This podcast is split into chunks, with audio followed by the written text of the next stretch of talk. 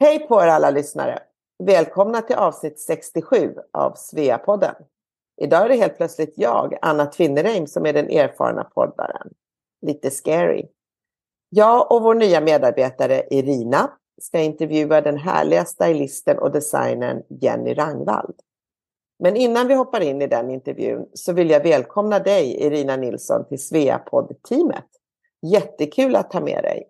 Välkommen! Tack Anna! Ja, jättekul att få vara med i poddteamet, tycker jag. Ja, berätta, var bor du någonstans? Jag bor i Singapore just nu, men jag ska faktiskt helt plötsligt flytta hem till Sverige igen om bara några veckor efter att ha bott tio år i Singapore. Oj, det är en rejäl livsförändring som ni står inför. Kan tänka mig att det är otroligt mycket att fixa med efter att ha bott tio år i Singapore. Lycka till med alla förberedelser och eh, lyckos oss som ska få följa dig och din familjs resa tillbaka till Norrland är det väl som ni ska flytta till? Ja, precis. Tack. Jag ser faktiskt verkligen fram emot att få flytta hem igen. Vi har ju både stora och små barn i familjen och det känns, man känner sig nästan lite halv när man har hälften av barnen i Sverige och hälften i Singapore. Så det känns bra att få flytta hem och så dessutom så köpte vi lite oplanerat förra sommaren ett nytt hus, nytt för oss, men ett gammalt hus annars eftersom det är byggt cirka 1650. Så det ser vi verkligen fram emot att få flytta in i och varsamt renovera. Så det är ganska mycket flyttstök för min del just nu, men jag har mycket att se fram emot i Sverige sen. Och en annan trevlig sak att se fram emot, det är ju intervjun med dagens gäst, Jenny Ragnvald. Hon bor också här i Singapore, precis som jag gör. Jag var hemma hos Jenny i hennes underbara showroom förra veckan faktiskt. Det var otroligt kul att få se alla hennes kreationer och allt där. Hon är en otroligt kreativ kvinna. Jag är så imponerad av hennes hållbarhetstänk och hennes förmåga att starta om och hitta nya sätt att arbeta på. Hon har ju slått sig fram först i Hongkong och så nu i Singapore där hon bor sedan något år tillbaka. Ja, men precis. Men nu ska vi inte hålla det på sträckbänken längre, så kära lyssnare, nu säger vi välkommen till gäst nummer 67, Jenny Rangvald. Ännu en svensk kvinna som ska berätta sin spännande historia om sitt liv som utlandssvensk för oss. Varsågoda!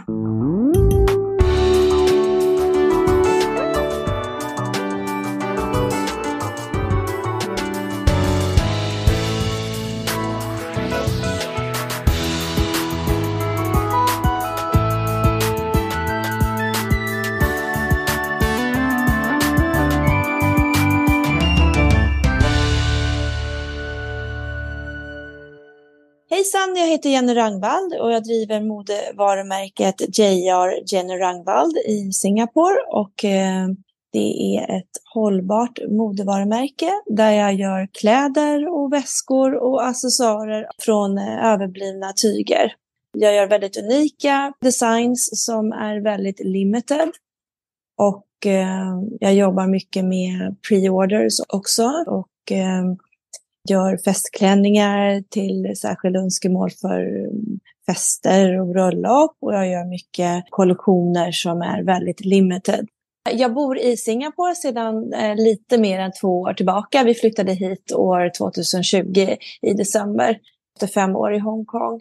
Och min kläddesign började jag med för ett och ett halvt år sedan. I Hongkong så sysslade jag mest med eh, Eh, accessoarer. Jag designade väskor i vackra vintage-tyger och sådant. Men nu fokuserar jag mest på kläddesign i Singapore.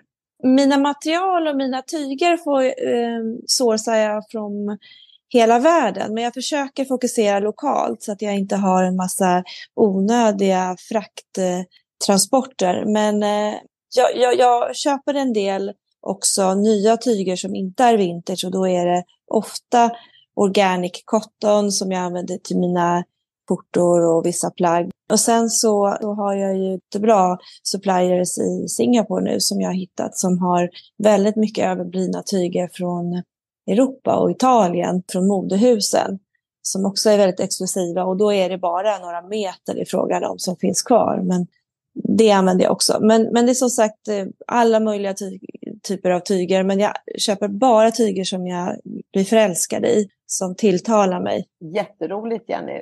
Välkommen! Kul att du är med oss. Ni har ju träffats förut, Jenny och Irina, eftersom ni båda bor i Singapore. Eh, jag sitter ju i Sverige, men eh, jag tänkte höra bara så här en vanlig söndag i mitten på april. Hur ser det ut utanför ditt fönster idag, Jenny? Ja, det är otroligt varmt och kvavt ute, men det är ingen sol framme. Det är lite sådär halvmulet. Men det, det, det är härligt ändå. Jag har mycket grönska. Jag bor eh, väldigt eh, nära en, eh, nästan som en djungel på ena sidan. Ingen granne på den andra sidan. På andra sidan har jag ett hus som jag ser in till. Men det, det är härligt att bo sådär i natur, tropisk natur. Ja men gud så härligt. Du bor alltså på marken eller du bor i ett hus? Ja, vi bor i ett hus. Vi kanske kommer in på det sen, men jag bodde i, vi, vi bodde i Hongkong innan och då bodde vi ju i, eh, som, en, som nästan som på ett hotell i en lägenhet. Så det var ju så underbart att få, få bo så här som vi gör nu i ett hus. Hur har din dag börjat då? Vad har du gjort tidigare idag?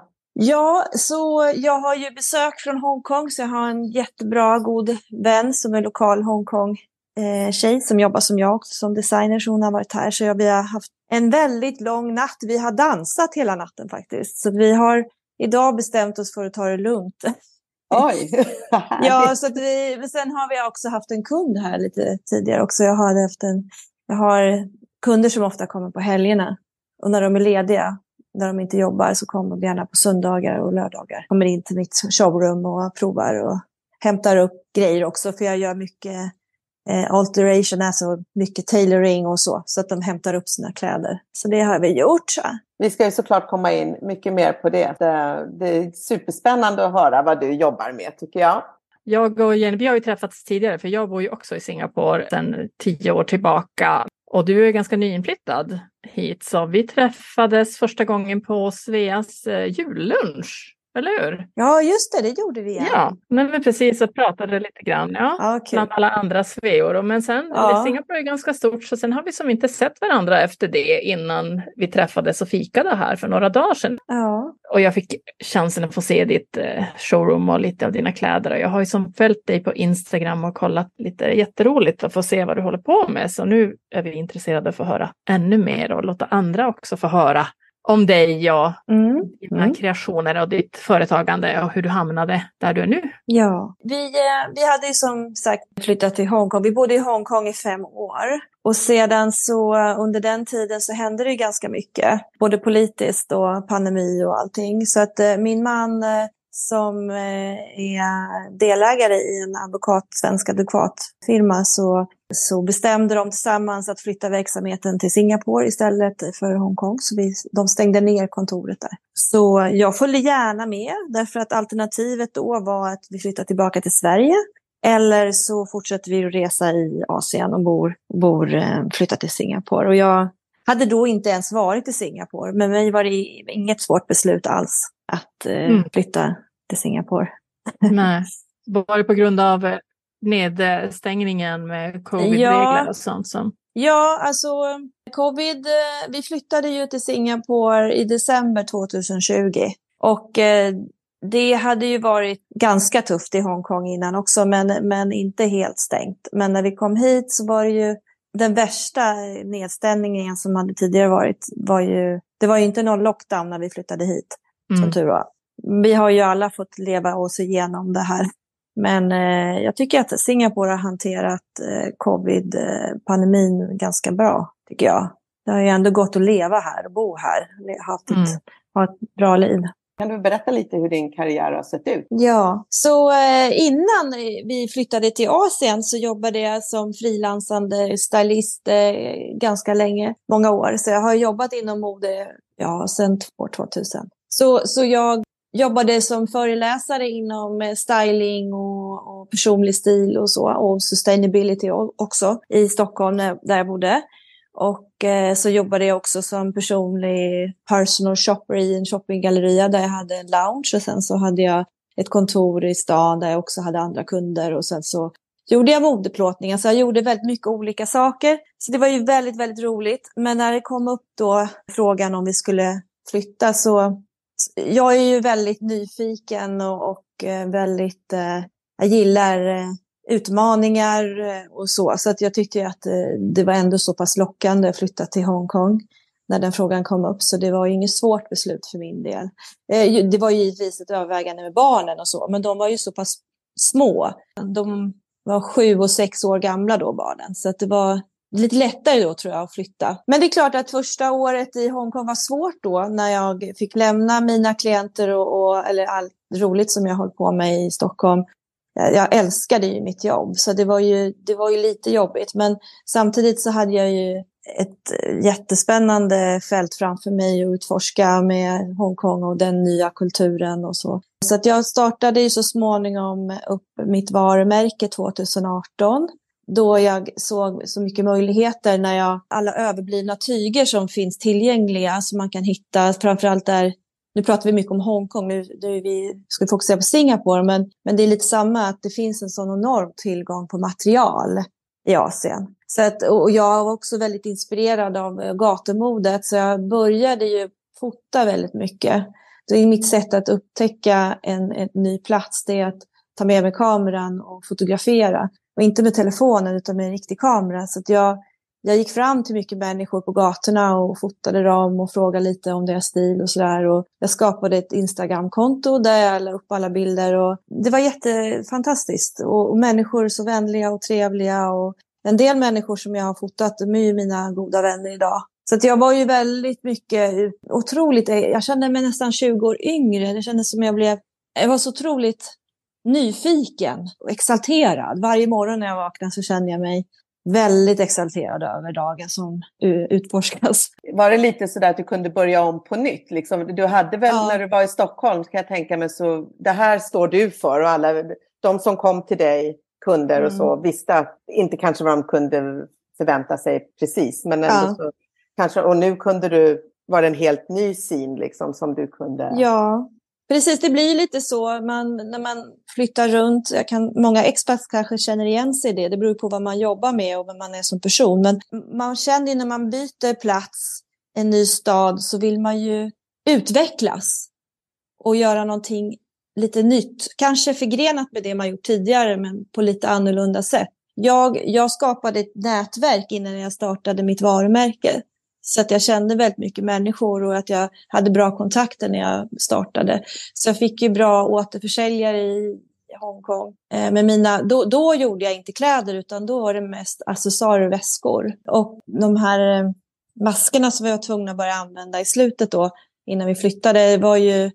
Jag var, ganska, jag var väldigt tidig med att, att göra lyxmasker. Alltså otroligt eh, vackra masker i väldigt dyra tyger, vilket var ganska galet egentligen. Att använda så dyra exklusiva tyger till, till masker. Men i Hongkong så var de ju otroligt modemedvetna och medvetna överhuvudtaget med stil och, och, och se snygga ut. Så att de blev väldigt, väldigt populära. Och de var rätt dyra också att göra, så att de kostade mycket. Men jag hade kunder som handlade hur mycket som helst om de där maskerna. Så att det gjorde att det är lättare att sälja de andra produkterna också. Jag sålde vintage kimonos från Kyoto. Jag har en supplier i Japan som skickar mig vintage därifrån. Så att jag sålde både kimonos, mycket av de här maskerna och väskorna började gå av sig självt då för att man ville ha en matchande väska med masken. Och sen så när vi kom till Singapore så, så här kände jag själv att det var brist på kläder. Jag, jag, jag kunde inte känna igen mig i modet, det utbudet som fanns här. Så att jag började göra lite kläder och sen så, jag hittade lyckligtvis en bra skräddare så att jag började väldigt lite smygstart med att känna mig för vad jag kan hitta en bra skräddare och köpa tyger och sen var jag igång och startade mitt företag här då. För att jag stängde in igen i Hongkong och så började jag här. Så det var ju lite som att börja om från början igen. Ja, precis. Det var det jag tänkte fråga dig också. För att jag är fotograf och startade mitt företag i Sverige innan jag flyttade hit och tänkte ja. att jag vet och kan ju hur jag ska göra. Men jag kände när jag flyttade till Singapore och att det är verkligen som att börja om från början igen. För att man, det spelar ingen roll hur duktig man är, om, om folk inte vet vem man är så Nej. har ju inget nätverk när man kommer till en helt Nej. ny stad. Ja. Du också, känner du också igen dig i det eller?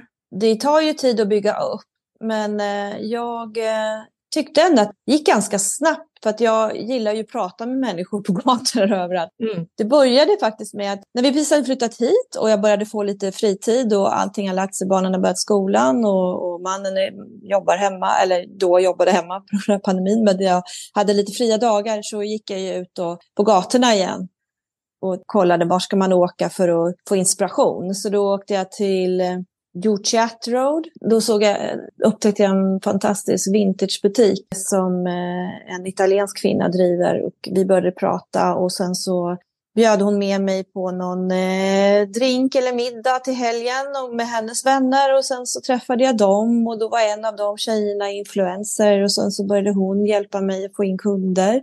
Mycket lokala kunder och sen så var det, började det komma, jag hade mycket grupper med kvinnor som jag, jag körde eventer med och presenterade mina kläder för och så.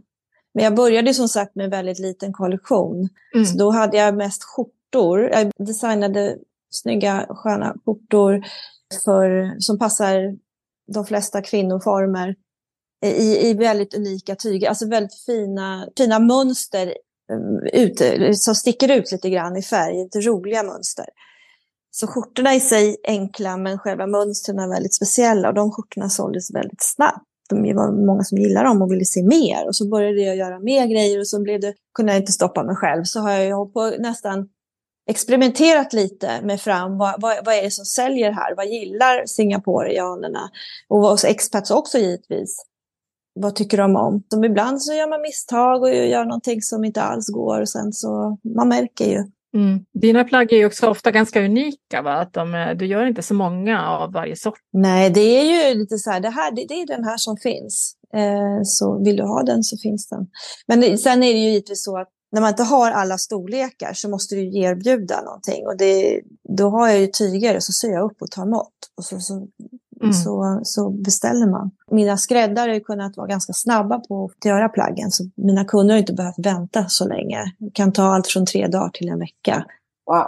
På sitt plagg. Ja, du nämnde vintage och så. Jag, jag, mm. Alla andra kanske vet det här, men jag funderar på, är vintage och second hand, kan man liksom dra parallell mellan det eller det, det har inte med varandra egentligen att göra? Alltså vintage är egentligen äldre, det, det, det är ju mer unika äldre plagg som har ett andrahandsvärde. Men för att kalla det vintage är lite fint. Det är ju någonting som, som är unikt, som är mycket äldre från kanske ett annat årtionde. Jag menar, det finns ju till och med plagg från år 2000 som man kallar vintage nu. Men second hand är ju pre-owned. Ja, så det är ju någonting som är använt men, men som nytt kanske, ett andrahandsvärde på det då. Som man, och det kan ju asiater vara skeptiska till. Okej. Okay. Så vintage kan ju vara något nygjort? Ja, men alltså jag använder ju mycket vintage-material. Så att ibland så köper jag ju, när jag kommer över vackra vintage-tyger, så ja. gör jag någonting nytt av det. Mm. Så det är ett gammalt historiskt tyg liksom som du har hittat ja. som är unikt och sen så gör du, ja. syr du upp ett plagg ja. av det gamla tyget ja. helt enkelt. Så second hand-tyger använder jag ju givetvis inte för det, ju, det, finns ju inte riktigt på marknaden och det är, det är ju plagg i så fall som är second hand. Jag säljer ju inte second hand-kläder. Jag säger, så, så mina gamla kimonos från Kyoto, det, det, det är ju second hand fast det är fin vintage. För det mm. kan vara kimonos från 20-talet. Så då är det någonting väldigt unikt. Och ibland så syr jag om dem, eller jag designar om dem och gör dem till till användbara plagg som är mer praktiska. Spännande. Jag, jag var också såklart då igen inne på din, in, ditt Instagramkonto och såg att, och du nämnde ju det i början här, att du hade varit ute och dansat hela natten och du hade postat för några, någon vecka sedan så hade du varit på dragshow, kallar man det för Drag Queen Show? Ja. Och då, alltså jag bara ser, det, måste ju vara väldigt inspirerande. Ja, de är, det, alltså det communityt i Singapore är faktiskt helt fantastiskt. Det är otroligt många eh, dragshowartister i Singapore. Det är ganska stort, det tänker man inte, det tror man inte kanske om Singapore, men de är, det, det är ett otroligt varmt och underbart community och det är väldigt kreativa personer och de här männen, kvinnorna, eh, de är både kvinnor och män, så att de är ju otroligt duktiga på att sy sina egna kläder de gör sina egna kläder. och Jag blir väldigt inspirerad av deras kostymer och kreationer. det, är, det är så mycket passion bakom det de gör och alla har individuell stil och de sminkar sig, har man en speciell alla olika stil, hur de sminkar sig och gör sitt hår. Och, och de, de tar det här på fullaste allvar. Och jag tycker om att jobba med dem därför att de, jag vill supporta deras community och, de är duktiga och, och, och, lätta och roliga att jobba med.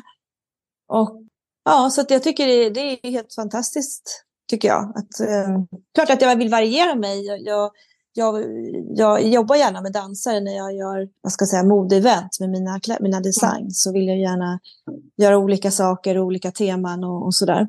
Men eh, jag tycker det är väldigt inspirerande. Ja, gud. Och det är kul att prata med dem också, hur, hur de designar sina egna kläder, kostymer. Ja, som sagt, ni båda bor ju i eh, Singapore och har familjer och så. Vi kanske ska gå in lite på det, det här att vara verkligen expat. Ja.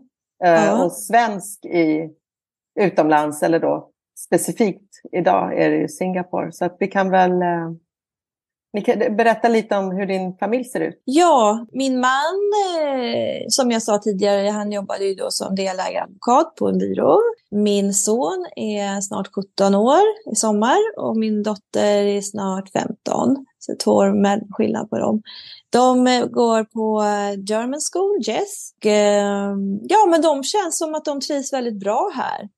Mm. Eh, de är ju vana att vara i Asien och vana med den här kulturen. De hade lite svårt i början med eh, alla regler. Att det, det, det känns lite nervöst. Lite så att man, vi var nog lite så här löjligt nervösa också för att vi, fick, vi läste på vad man inte får göra, vad man får göra och att man visste att eh, gör man inte, följer man inte reglerna kan man åka ut. Och så här. Speciellt under pandemin var det ju väldigt nervöst. Man visste, man hörde om familjer som hade tonårsbarn som hade festat i smyg under pandemin och blev utkörda och sådär.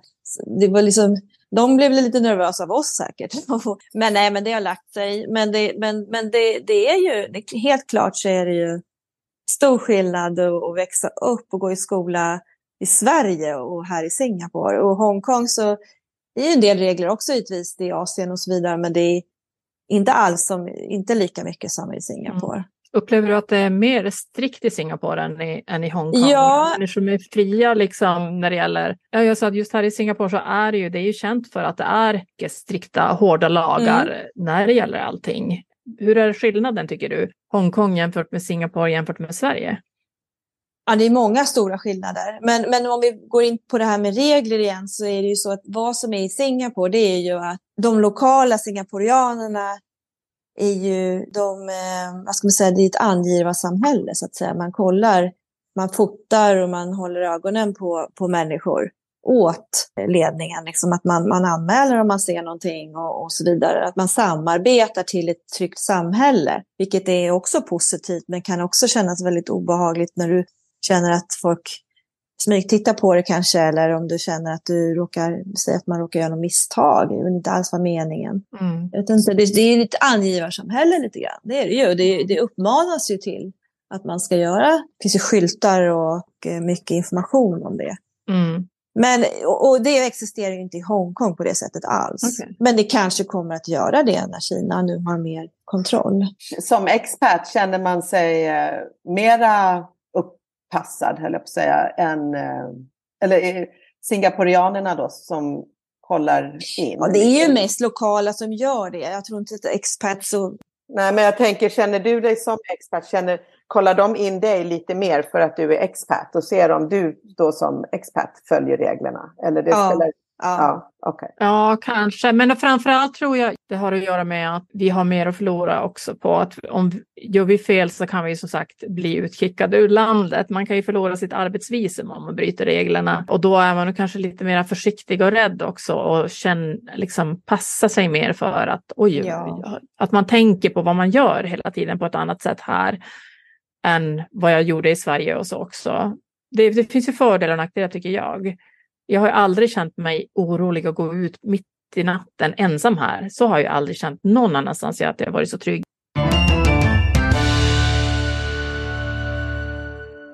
Är du Svea-medlem och kommer att befinna dig i Sverige 9 till 11 augusti? Passa då på att delta i Sveas populära Sverigemiddag som i år kommer att hållas i Göteborg. Och visste du att just i år så firar staden Göteborg 400 år? Vilket bra tillfälle att åka dit! Det erbjuds fina utflykter, spårvagnstur, seminarier, vernissage samt prisutdelning till årets svenska kvinna och Svea International stipendiater. Och så en fantastisk galamiddag på Park Avenue Hotel. Gå in nu direkt på svea.org där du hittar all information du behöver för att anmäla dig. Hoppas vi ses i Göteborg i augusti.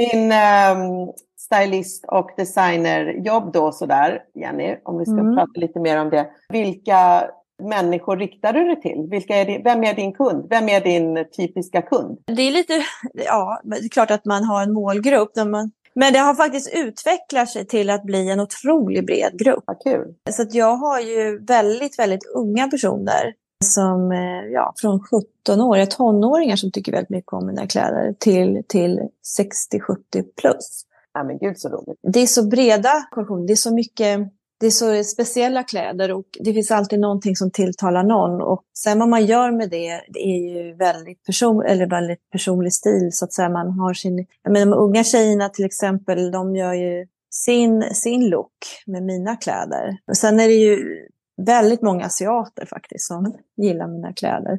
Så jag kan säga att kunderna är, ja, det är nog 80 procent av mina kunder är asiater. När du åker hem till Sverige och så, eh, kan man, eh, tar du med dig grejer hem så att du, går, ja. du hör av dig till dina gamla klienter och säljer? Jo, alltså jag har ju, det har ju blivit så att mina kläder är ju väldigt anpassade till det här klimatet i Singapore eh, eller till Asien. Det är ju, priserna är ju ganska så det, det, är många svenskar som kanske anser att det är för dyrt att köpa så en klänning som man kanske kan använda ett par veckor om året. För att man vet hur sommaren är. Men, men, men det är klart att jag, jag har ju sålt mycket av mina accessoarer i Sverige. Och mm. haft event i Sverige när jag har varit i Sverige. Och sen har jag haft en del butiker som jag har jobbat med som har sålt mina... Jag gjorde ju tidigare, så har, när jag startade upp så gjorde jag läderbälten i, eh, i fabrik i Kina som använde överblivna läderbitar från modehusen. Ja. Så att de får ju alltid över... Så mm. sådana, sådana produkter har funkat bra i Sverige. Ja, och det ju, ligger ju verkligen i tiden liksom också. Ja. Det här med återbruk och mm. använda sig av saker som ja. blir över. Fast det är klart, man tänker ju mycket på framtiden, hur man ska fortsätta och mm. hur man ska mm. anpassa kollektionerna när man väl, befinner, man väl bor i Sverige. Man, förmodligen kommer vi bo i Sverige inom några år. Mm. Så då tänker man mycket på hur ska jag göra med produktionen och hur ska mm. jag ändra om, hur ska jag styra om min verksamhet lite grann. Det är intressant. Hur tänker du då? då? Vad har alltså, jag, jag, är ju väldigt mycket inne på hållbarhet och det, är ju, mm. det har ju funnits i mig hela tiden. För när jag hade mina kunder, klienter i Stockholm så, så hjälpte jag mina kunder att hitta och botanisera i second hand-butiker väldigt mycket.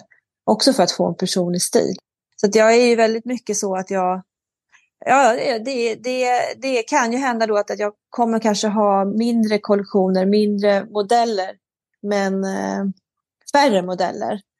Och sen eh, har kanske hittat eh, mer, eh, eller hittat eh, utanför, kanske i Vietnam eller i Bali, eller hittat någon bra, bra liten fabrik där jag kan eh, producera och skicka eller sända till Sverige. Då. För det är ju helt omöjligt att producera lokalt i Sverige hitta, men att hitta överblivna tyger och material runt om i världen fortfarande. Eller helst lokalt eftersom då slipper man alla frakter. Ja, det finns ju hur mycket som helst att tänka på och göra där. Ja. Utveckla. Men det, det, det är en rolig utmaning också och ja. man kan ju bara inte göra på ett annat sätt heller som det, världen ser ut idag. Jag var precis i, jag, jag bor ju i Ängelholm, en liten by, höll jag på att säga, liten stad. Ja. Jag var nere i Malmö häromdagen och um, faktiskt var på Sveas, eh, Svea Malmös event och då var det just en stylist faktiskt som hade föreläst. Ja.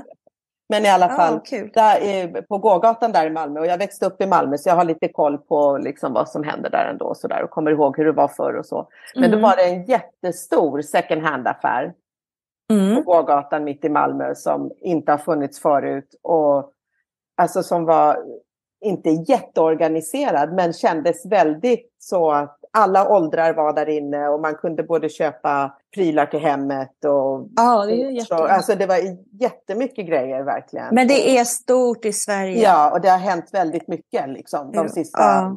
fem åren skulle jag vilja säga. Jag har inte bott oh, ja. i Sverige så länge heller. Men... Ja, jag tycker det är stor skillnad här i Singapore jämfört med Sverige också just när det gäller second hand. Jag vet att alltid när vi åkte till Sverige på somrarna nu, min son har flyttat tillbaka till Sverige nu, men han, det var en av de grejerna han ville på second hand affärer i Sverige, mm. för det mm. finns inte så mycket här i Singapore. Det är väldigt mycket nya kläder här, tycker jag mer, att det är ny, nyproducerat. Det finns ju en anledning och det är ju att många asiater är väldigt skeptiska till att använda kläder som någon annan har haft på sig. Man vill inte ha en okänd människas energier i plagget. Det har mycket med feng shui att göra också. Mm. Och det, mm. det kanske, jag tror att den yngre generationen kommer att ändra på det. Mm. mm. För de gillar att experimentera med personlig stil och de vill också, jag menar till exempel japanerna är ju inte alls sådana. De har ju mycket mytologi i sin livsstil och så, men, men de inte, de, det känns inte alls som att de är inne på, på sådana såna banor, liksom att de är mm. rädda för det. De har ju så mycket kreativitet och kan skapa så mycket egna, eller skapar sin egna stil och, och, och de mm. uppskattar lång, eller högkvalitativa saker och, och, man kan hitta högkvalitativa grejer på second hand i Japan. Men Mm. Inte i Kina. Jenny, tänker du att det har någonting att göra också med klimatet dock? Att jag tänker att Sverige och Japan är liksom lite annat klimat. Ja, jo, det, det. här i Singapore, ja. i den här enorma hettan och fuktigheten ja. som är här, så tyg och sånt håller, alltså det håller ju inte på samma sätt. Det kan vara så också, absolut. Det kan absolut vara så. Men när jag pratar med med kunder så, och när jag stått på mässor och när jag gjort större, varit eh, på större som butikfärd till exempel här i Singapore och så där. När jag haft de här vintage-kimonorna så har ju många kunder frågat, är det här använt? Vad menar du? Mm. Säger, vintage, vad menas det med vintage? Ja, vad är det egentligen? Ja, det, det, det är någonting som är väldigt gammalt som kanske har använts, ibland har det inte använts, ibland har det använts. Och då blir de redan skeptiska. Vem har använt det här? Vem har haft på sig det här? Det kan till och med vara en väska. De är mm. väldigt populära de här äh, pärlbeströdda, vackra, handgjorda väskorna som man använde till kimono förr i tiden, även idag. De finns ju på andrahandsmarknaden och är otroligt attraktiva idag bland mm. ungdomar också. För det finns mycket i street style om man tittar på runt om i världen. Så är sådana grejer är ganska populärt. Men det, det, till och med väskor så kan de vara ingenting som du har på dig närmast huden utan till och med väskor säger de kan det vara, ja men det här är använt. Ja, det är, det är ju kulturellt, det är ju så. Men det kanske blir annorlunda nästa generation. Ja, förhoppningsvis. Jag, jag tror definitivt nästa generation. De är mycket öppnare på det. På tal om nästa generation då, då Jenny, vad skulle, om du, det är någon yngre tjej eller kille som lyssnar på, på oss här nu då. För ja. vi vill ju sprida den här podden till alla ja. åldrar såklart. ja. Och då tänker jag, vi har inte pratat alls om din, eh, hur du, eller lite hur du började har du ju berättat, men vad, ja.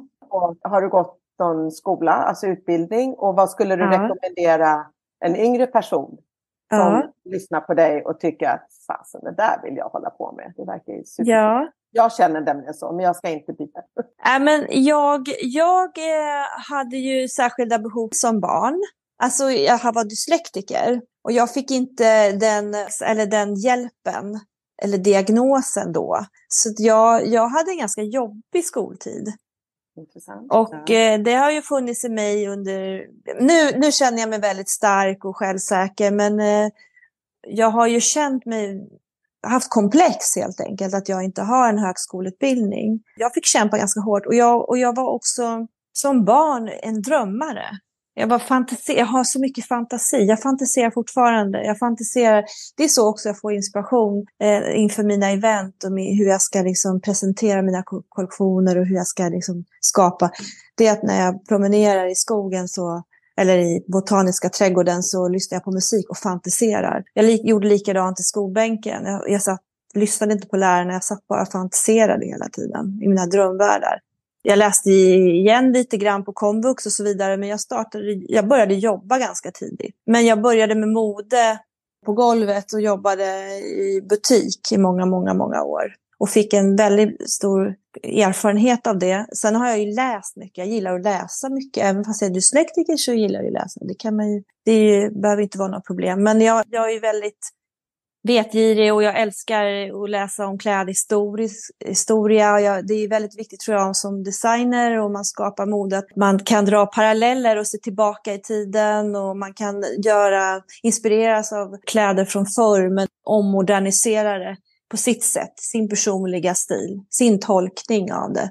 Och att man också är intresserad av kultur och, och konst och vad man nu, alla får inspiration på olika områden men att man söker inte bara inspiration i modetidningar, utan det finns så mycket, man måste ha en öppet, nyfiket sinne. Och jag känner att, och inte bara titta i, på gatorna på mode eller på människor och, och, inte bara titta i tidningar och läsa, utan att man, jag som ändå, jag är inte jätteung längre, jag är övre, eller ja, medelålders och sådär, men jag känner också att det är viktigt för mig också att se vad som händer i den ungdomskulturen. Eller hur tänker ungdomar? Och de är ofta väldigt kreativa och, och, det är jätteviktigt att, att man har koll. Och jag har ju en anställd här som jobbar för mig och hon är lokal. Hon är 20 år yngre än mig och den åldersskillnaden är helt perfekt. Vi är en otroligt bra dynamik. Jag har mycket erfarenhet men hon har också väldigt mycket koll på saker som jag tror att jag har koll på men jag har inte det.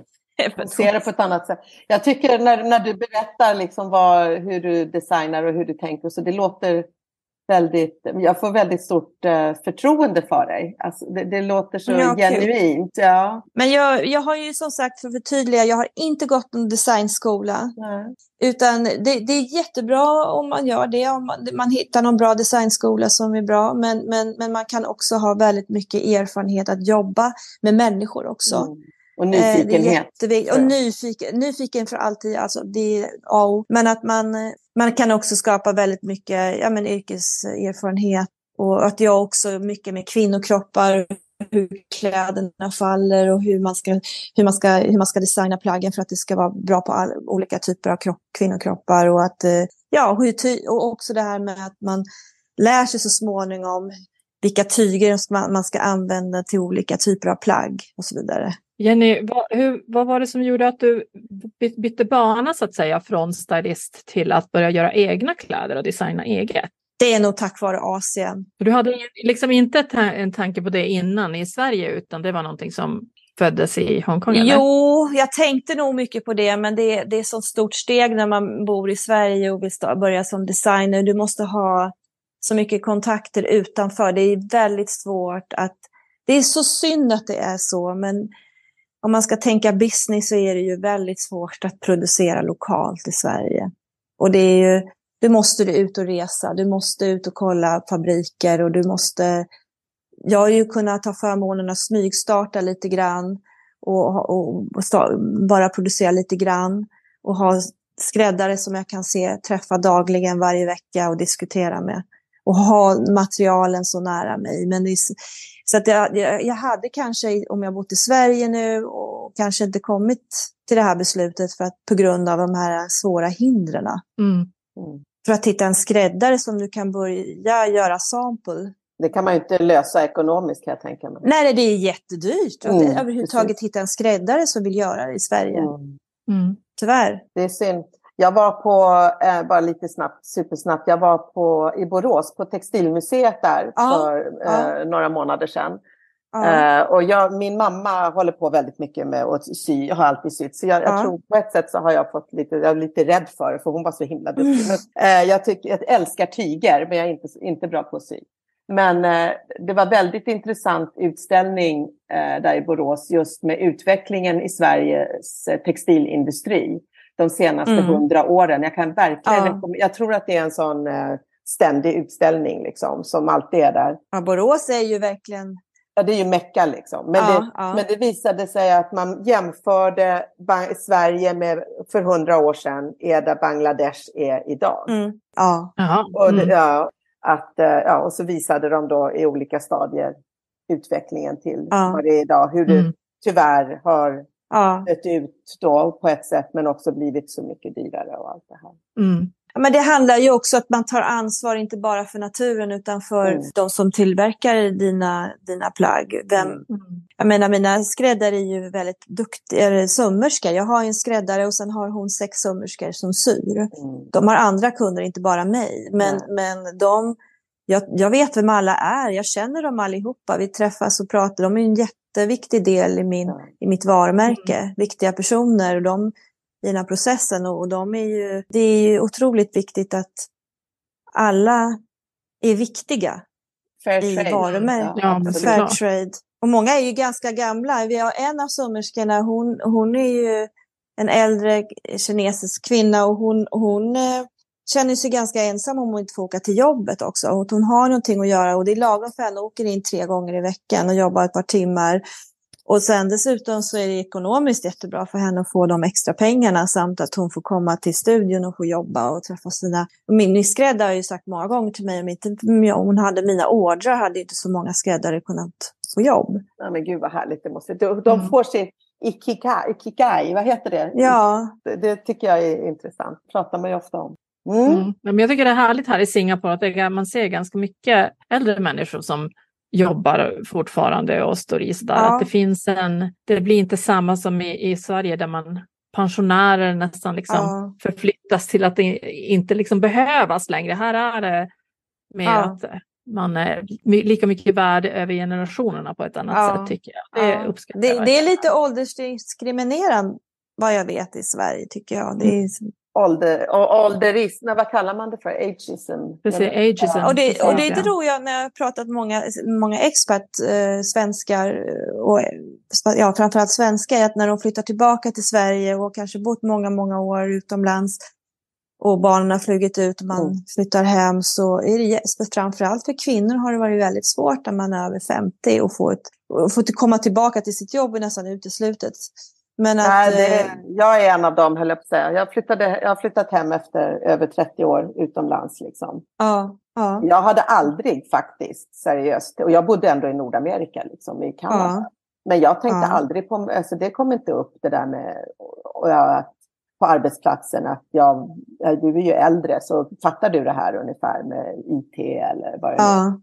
Men det är ganska ofta tycker jag att det kommer upp här på något sätt. Att man måste verkligen stå ja. på sig lite grann. Ja, att inte få den stämpeln mm. på något sätt. Eller man får inte ta sig av det helt enkelt. Ja, det är ju en reell rädsla jag också har. Jag ska också flytta tillbaka till Sverige nu snart efter tio år här i Singapore och närmar mig mm. 50. Så det är ju någonting man tänker på. Liksom att hur, hur blir det med karriären och med jobbet alltså när man har varit borta?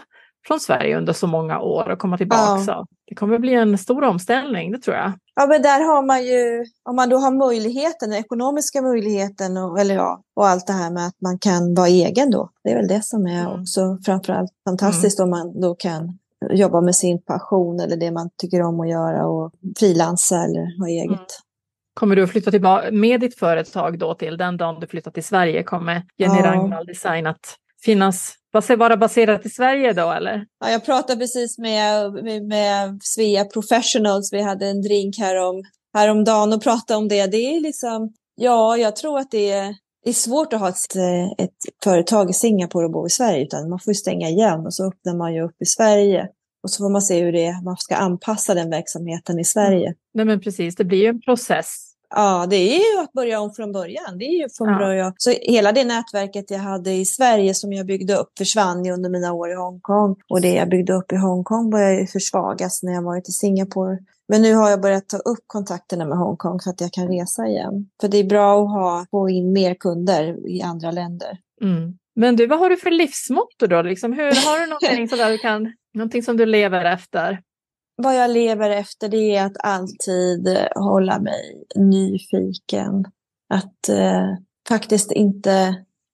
Klart man måste ju vara förnuftig, men, men att inte begränsa sig för mycket eller att man ska vara snäll mot sig själv och att man ska försöka leva ut sina drömmar så mycket som är möjligt och att man inte ser för mycket hinder utan livet är ju ganska kort. Man hör ju mycket som händer med, händer mycket i världen, det händer mycket med i människors liv. Och kan man och har möjligheten här och nu göra detta så ska man bara göra det. Istället för att säga varför, säga varför inte. Det har varit jätteroligt att intervjua dig Jenny och prata med dig. Ja, vad kul. Inte bara intervjua ja. men prata med dig verkligen. Och som ja, jag sa kul. förut, jag tycker du, du tar det här med mode och design från ett litet annat. Det får mig att känna, som jag sa, en tillgivenhet mm. liksom, på något sätt ja. istället för det, det, man känner ofta när man pratar med sådana som dig. så liksom är det så ja, det är lite upphåsat på något sätt. Liksom, att det ska vara på, mm. du, du, du tar ner det på marken eller på jorden på något sätt och får det låta väldigt uh, genuint. Ja, jag står ju väldigt konsekvent. Jag står ju vid min idé och jag försöker att inte titta för mycket på andra hur de gör utan göra som jag själv känner här. Liksom, Nej, att det, fortsätt med det. Ja. Tack så jättemycket. Tack så mycket. Kan alla gå in och titta på Jennys kläder på Instagram och på din eh, webbsida också så får ni se hur vilka fantastiska kläder du gör och eh, Tack. färg och form och bli, får bli inspirerad. Jenny, du kan säga ditt, säg ditt Instagramkonto här så ska vi ska lägga länkar till det och sådär också. Men... Ja, Instagramkontot är eh, JR understreck Jenny Rangvall.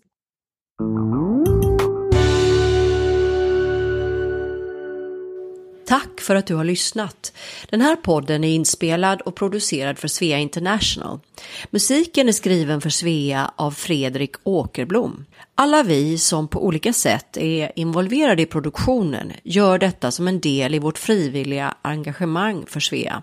Sveapodden finns på de allra flesta ställen där du hittar poddar. iTunes, Google Podcasts, Spotify etc. Om du saknar något poddställe så skicka ett mejl till sveapodden gmail.com.